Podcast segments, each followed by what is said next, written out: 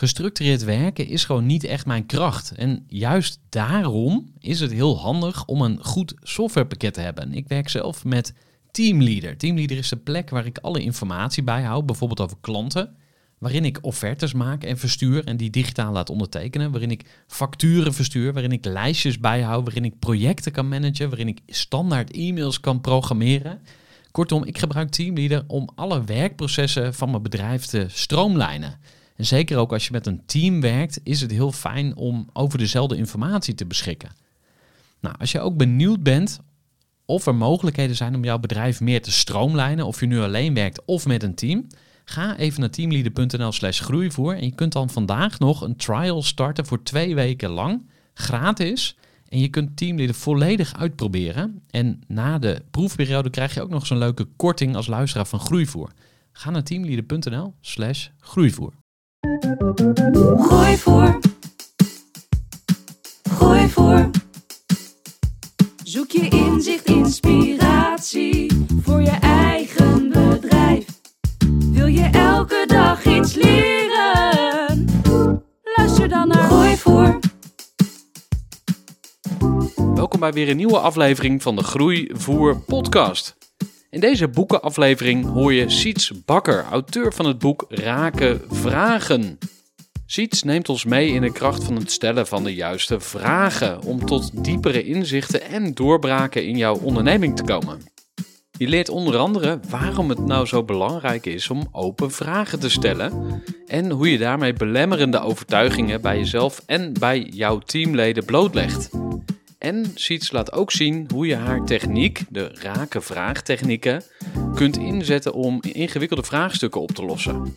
Nou, ik zou zeggen, ga lekker luisteren naar deze aflevering van de Groeivoer podcast met Siets Bakker, auteur van het boek Raken Vragen.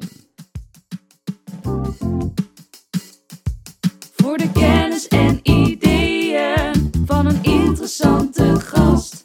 Die haar verhaal met jou wil Dankjewel voor de uitnodiging om eh, te gast te zijn in deze podcast. Mijn naam is uh, Siets Bakker en sinds een aantal jaar durf ik mezelf ondernemer te noemen. Eh, ik ben begonnen als ZZP'er en daarvoor zat ik gewoon net zoals zoveel mensen in een loondienstverband in werk. Maar inmiddels neem ik risico, heb ik avonturen, ontwikkel ik dingen die eerder niet bestonden, voer ik mijn ideeën uit. Dus ja, dat maakt dat ik me nu toch wel ondernemer durf te noemen. Mijn belangrijkste expertise is de, de toepassingen van systemische kennis, de toepassingen van systemische wijsheid. Ik ben opgeleid als familieopsteller en als uh, organisatieopsteller.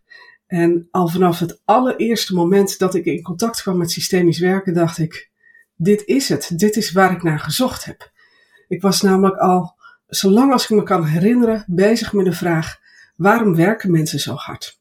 Waarom zijn mensen zo bereid om zoveel van zichzelf te geven op hun werk, dat ze zagrijnig thuiskomen, of dat ze zich uh, uitputten, of dat ze tolereren dat ze niet gerespecteerd worden door hun collega's, of door hun baas, of door hun werkgever.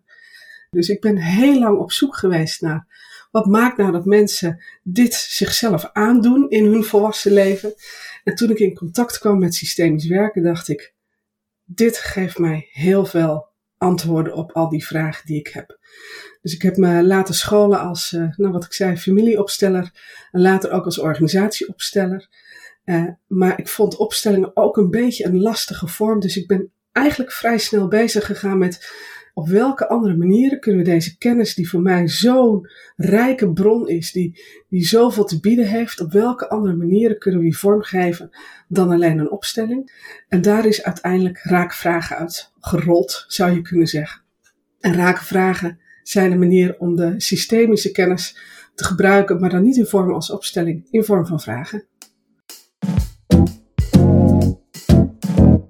Dus die nieuwsgierigheid die is bij mij altijd aanwezig geweest. Of misschien was het wel meer interesse, was het meer een soort van zoektocht. Nadat ik geschoold was in systemisch werken, was ik ook een beetje aan het zoeken naar wat is mijn, mijn plek, hoe kan ik dit nou gebruiken. En toen kreeg ik een berichtje van Jan-Jacob Stam, die vroeg of ik geïnteresseerd was om zijn uitgeverij over te nemen, uitgeverij Het Noordlicht. En dat uh, was heel, de timing was echt fantastisch, want een week ervoor had ik gedacht, goh, ik werk nu al uh, zo lang als ZZP'er.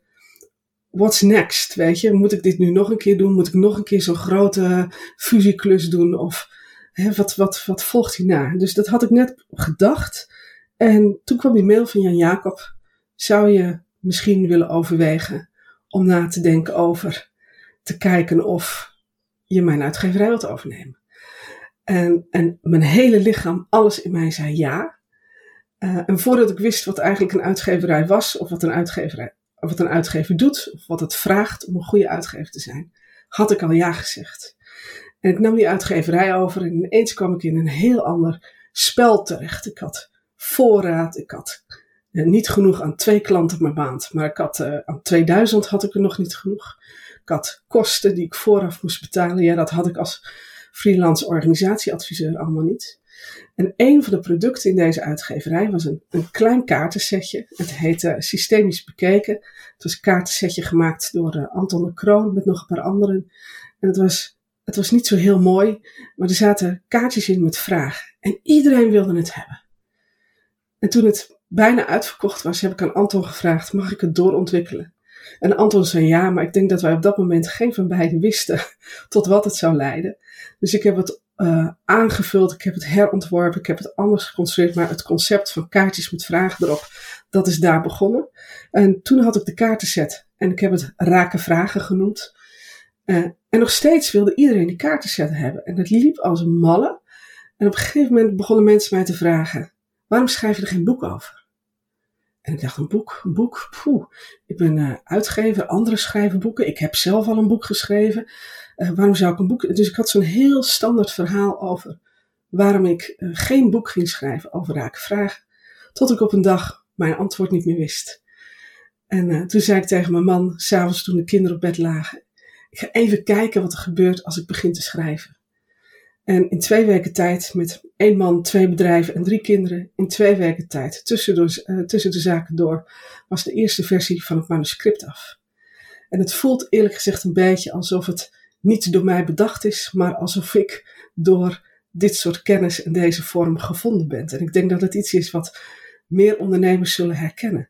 Dat het niet is dat je zelf iets bedenkt en dat alles uit jouw wil en discipline en doorzettingsvermogen komt. Maar dat het vaak ook is alsof jij toevallig beschikbaar was. En alsof veel van wat je in je leven ervoor gedaan hebt, je als het ware voorbereid hebt, heeft op wat er nu mogelijk is. Nou, dat was mijn ervaring met, met raken vragen. En daarna heb ik natuurlijk nog een hele aantal andere versies geschreven van het manuscript. Maar als je vraagt, hoe is het zo gekomen? Zo uh, zijn rake vragen eigenlijk ontstaan.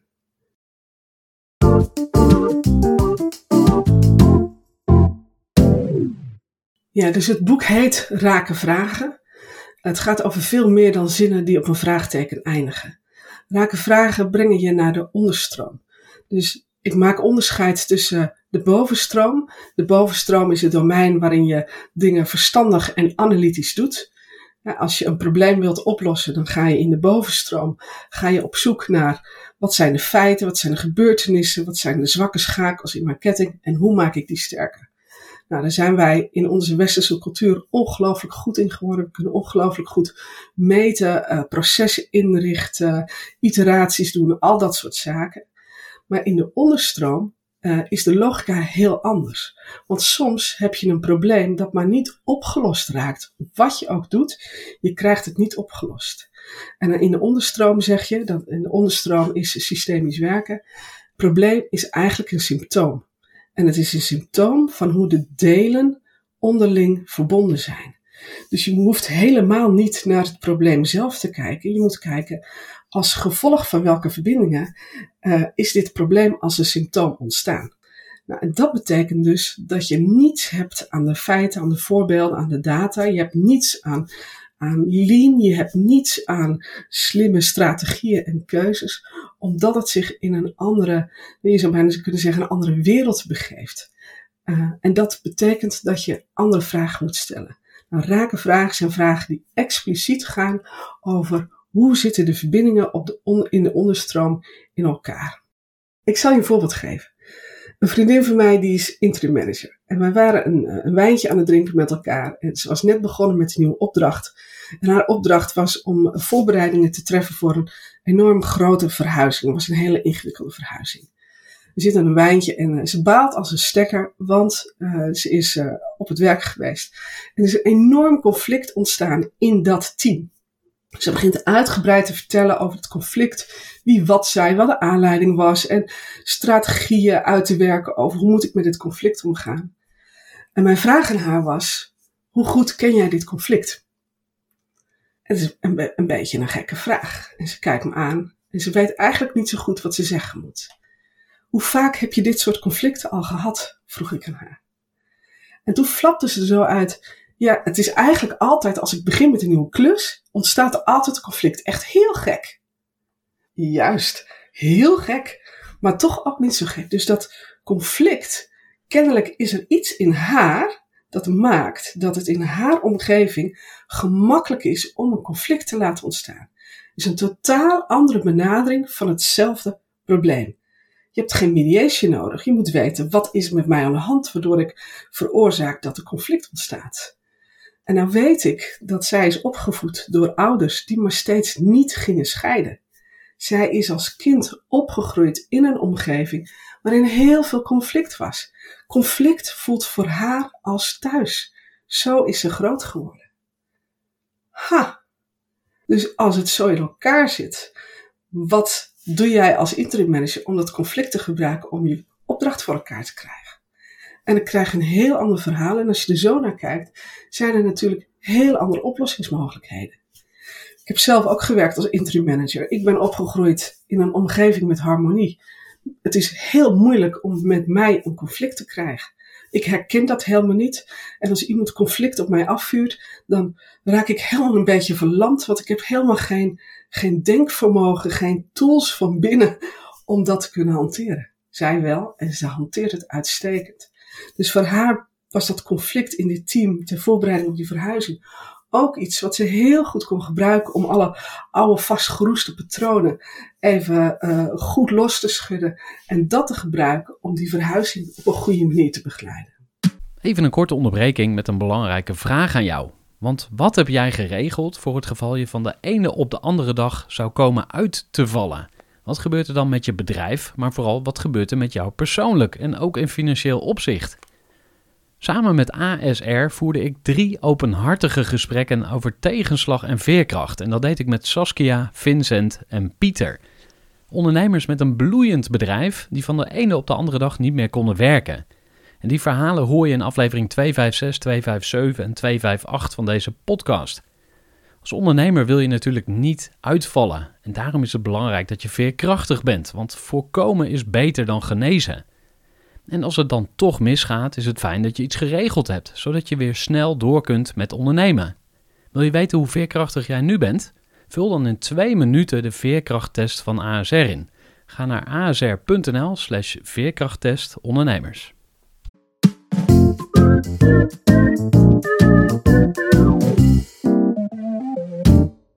Ja, als je deze kennis wilt toepassen op je bedrijf als geheel, dan vraagt het dat je ook een beetje systemische wijsheid gaat toepassen in hoe je je bedrijf leidt. En met systemische wijsheid bedoel ik de kennis over de onderstroom. Dus dat je een beetje weet hoe moet ik de verbindingen regelen. Toen ik die uitgeverij overnam, wist ik niets van uitgeven. Ik had ja gezegd en toen ging ik uh, googlen, ik ging op zoek naar wat staat er in het curriculum van opleidingen voor uitgevers. Nou, ik zal je eerlijk zeggen, wat ik zag sprak me niet zo aan. Het zag er allemaal enorm stoffig uit, heel veel rechten en zo. Ik dacht, gadverdarrie, waar heb ik nou Jaap gezegd? Ik dacht, weet je wat ik ga doen? Ik weet niets van uitgeven, maar ik weet heel veel van systemisch werk. Ik ga alles wat ik weet over hoe het systemisch in elkaar zit, ga ik onvoorwaardelijk toepassen op dit bedrijf. Dus ik ga de kennis over de verbindingen die ik heb, ga ik, ik doe niet aan, zo hoort het, zo moet het, dit is wat anderen doen. Ik doe alleen maar wat ik vind kloppen vanuit deze wijsheid. En dat betekent bijvoorbeeld verbindingen met auteurs. Dus de klassieke verbinding van een auteur en een uitgeverij is dat een uitgever een royalty percentage betaalt aan de auteur. En dan is de uitgever is als het ware een soort van eigenaar van het boek. En de auteur die denkt, gut, uh, die uitgever die verdient heel veel geld aan mijn boek, terwijl ik al het werk gedaan heb. Het is niet eerlijk. En die, en die, die heeft dus een andere relatie met het boek. Dus ik ben gaan kijken welke verbindingen kan ik maken tussen de uitgeverij, de auteur en het boek. Hoe zorg ik dat de auteur zich altijd volledig eigenaar blijft houden, blijft voelen van dit boek? Dus ik heb de auteurs bijvoorbeeld heel nauw betrokken bij het proces van het maken van het boek. Uh, de keuze van de cover, uh, de keuze van de kleuren, de keuze van de vormgever, de keuze van wat moet het, moet, de beeldtaal zijn van dit boek dat mensen voelen zonder dat je het zo hoeft te leggen, uit te leggen. Dus dat heeft geleid tot een hele andere relatie tussen de auteur en het boek. Uh, fijn voor het boek, fijn voor de auteur, fijn voor de lezer en fijn voor mij als uitgever. Nou, met deze manier van denken heb ik in drie jaar tijd de omzet twee keer verdubbeld. In een niche-markt. Uh, met een product wat door velen als uh, onmogelijk papieren boeken werd beschouwd. Dus wat je als ondernemer kunt doen met deze kennis is dat je jezelf schoolt in wat, wat, wat betekent dat met die verbindingen? Hoe moet ik die verbindingen regelen in mijn bedrijf? Hoe zorg ik dat ik uh, geen symptomen creëer doordat er verbindingen ontbreken of in de knel zitten? Ja, om de verbindingen goed te laten lopen, zijn er eigenlijk vier punten waar je op let. Er zijn vier soorten verbindingen. De eerste, ik zal ze zo kort mogelijk doen, maar ik kan hier natuurlijk wel ongeveer een maand over praten, hè, dat snap je. Dus ik doe de inhoud en de diepte en de breedte geen enkele recht, maar dan geef je, eh, geeft het je eventjes een beetje een gevoel over hoe dat werkt. Uh, de eerste is de oorsprong. Dus waar is het ooit om begonnen? Waar is jouw ondernemerschap ooit om begonnen? Is dat uit liefde als kind voor je ouders omdat je een familiebedrijf hebt overgenomen? Is dat omdat je een probleem zag wat je wilde oplossen? Was dat omdat je absoluut niet meer voor een baas wilde werken, zoals in mijn geval? Ik had een enorme behoefte aan vrijheid. En inmiddels de afgelopen 15 jaar is mij een aantal keer een baan aangeboden. En het enige wat ik hoef te denken is vakantiedagen. Vakantiedagen is voor mij het symbool van gebrek aan vrijheid. Dat iemand bedenkt hoe lang jij niet hoeft te werken. Dat is een, een error in mijn lichaam. En dan denk ik vakantiedagen en mijn hele lichaam krimpt ineen en schreeuwt: Doe het niet, je wilt geen vakantiedagen. En dan weet ik dat mijn behoefte aan vrijheid nog niet gestild is. En doordat ik dat dan weer even zo goed kan voelen, kan ik ook gemakkelijker de moeilijke dingen van het ondernemer zijn dragen. Dus de eerste is, waar is het om begonnen? Oorsprong, heet dat in jargon. De tweede is dat in een gezond, gezonde onderneming hoort alles wat er deel van is, hoort erbij.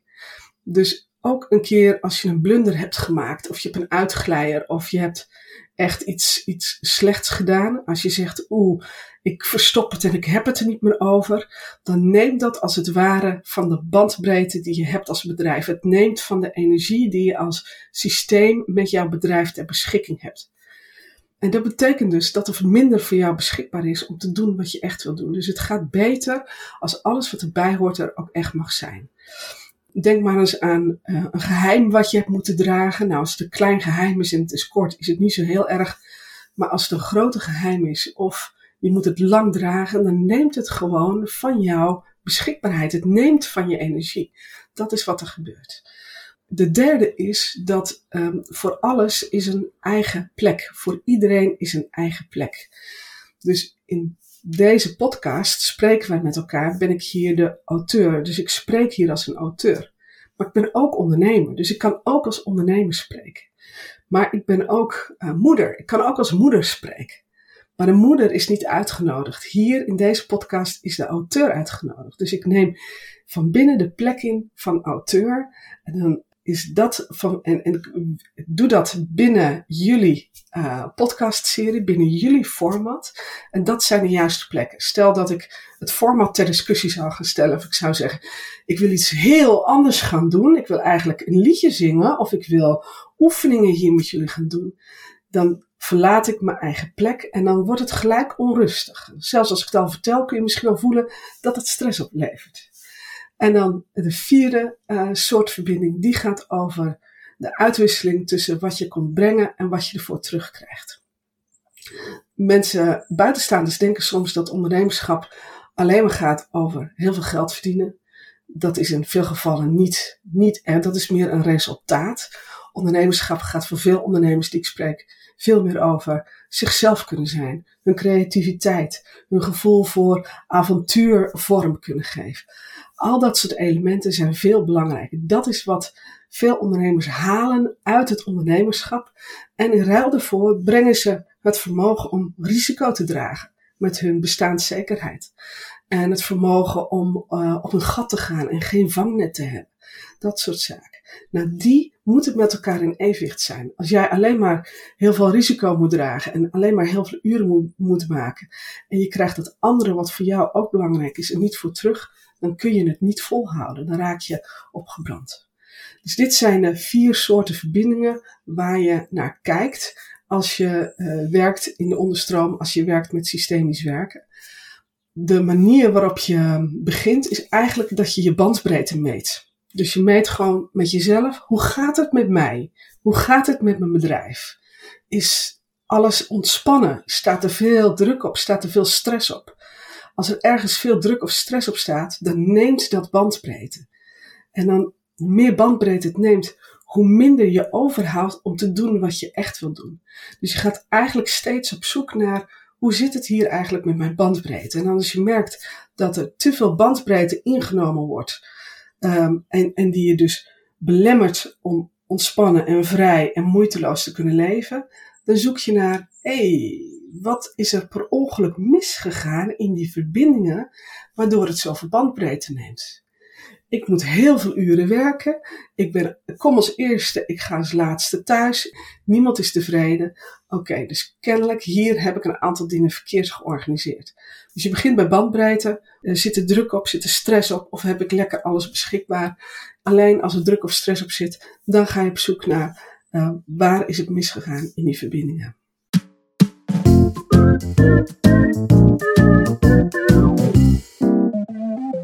Ja, als je één ding zou moeten toepassen uit mijn boek, dan is dat gek genoeg geen vraag, maar dan gaat het over je kwaliteit van aanwezigheid. Dus wat jij doet met jezelf als je ergens bent, als je iemand ontmoet, als je opstaat. Dus kwaliteit van aanwezigheid is eigenlijk hoe organiseer ik mijn aandacht, hoe organiseer ik mijn energie, hoe ben ik van binnen zodat dit, want jij, wie jij bent, is natuurlijk het belangrijkste wat er is in je leven. Het is de enige gegarandeerde constante factor. Al het andere kan verdwijnen, maar jij, wie jij bent, hoe jij het doet, dat is voor de rest van je leven bij je. Um, en dus als je één ding wilt onthouden, als je één ding moet onthouden uit mijn boek, dan is het wel, heb aandacht voor je kwaliteit van aanwezigheid. En dat zit ook in je bandbreedte. Dus als je bandbreedte smal is, dan is de kwaliteit van je aanwezigheid slechter.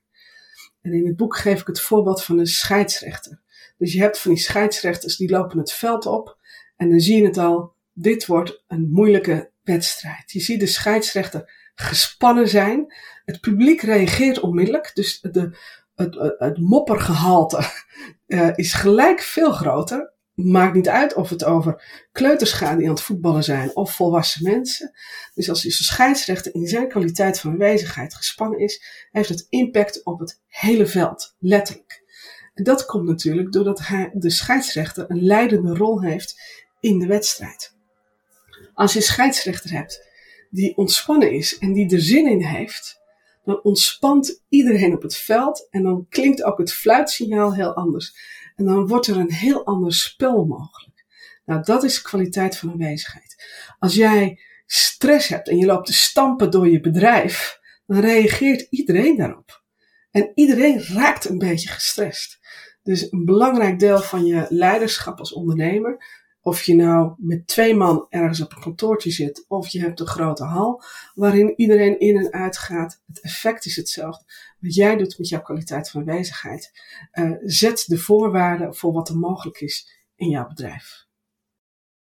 En nadat ik het boek geschreven heb, ben ik natuurlijk doorgegaan. Het is niet gebleven bij de kennis die alleen op papier staat.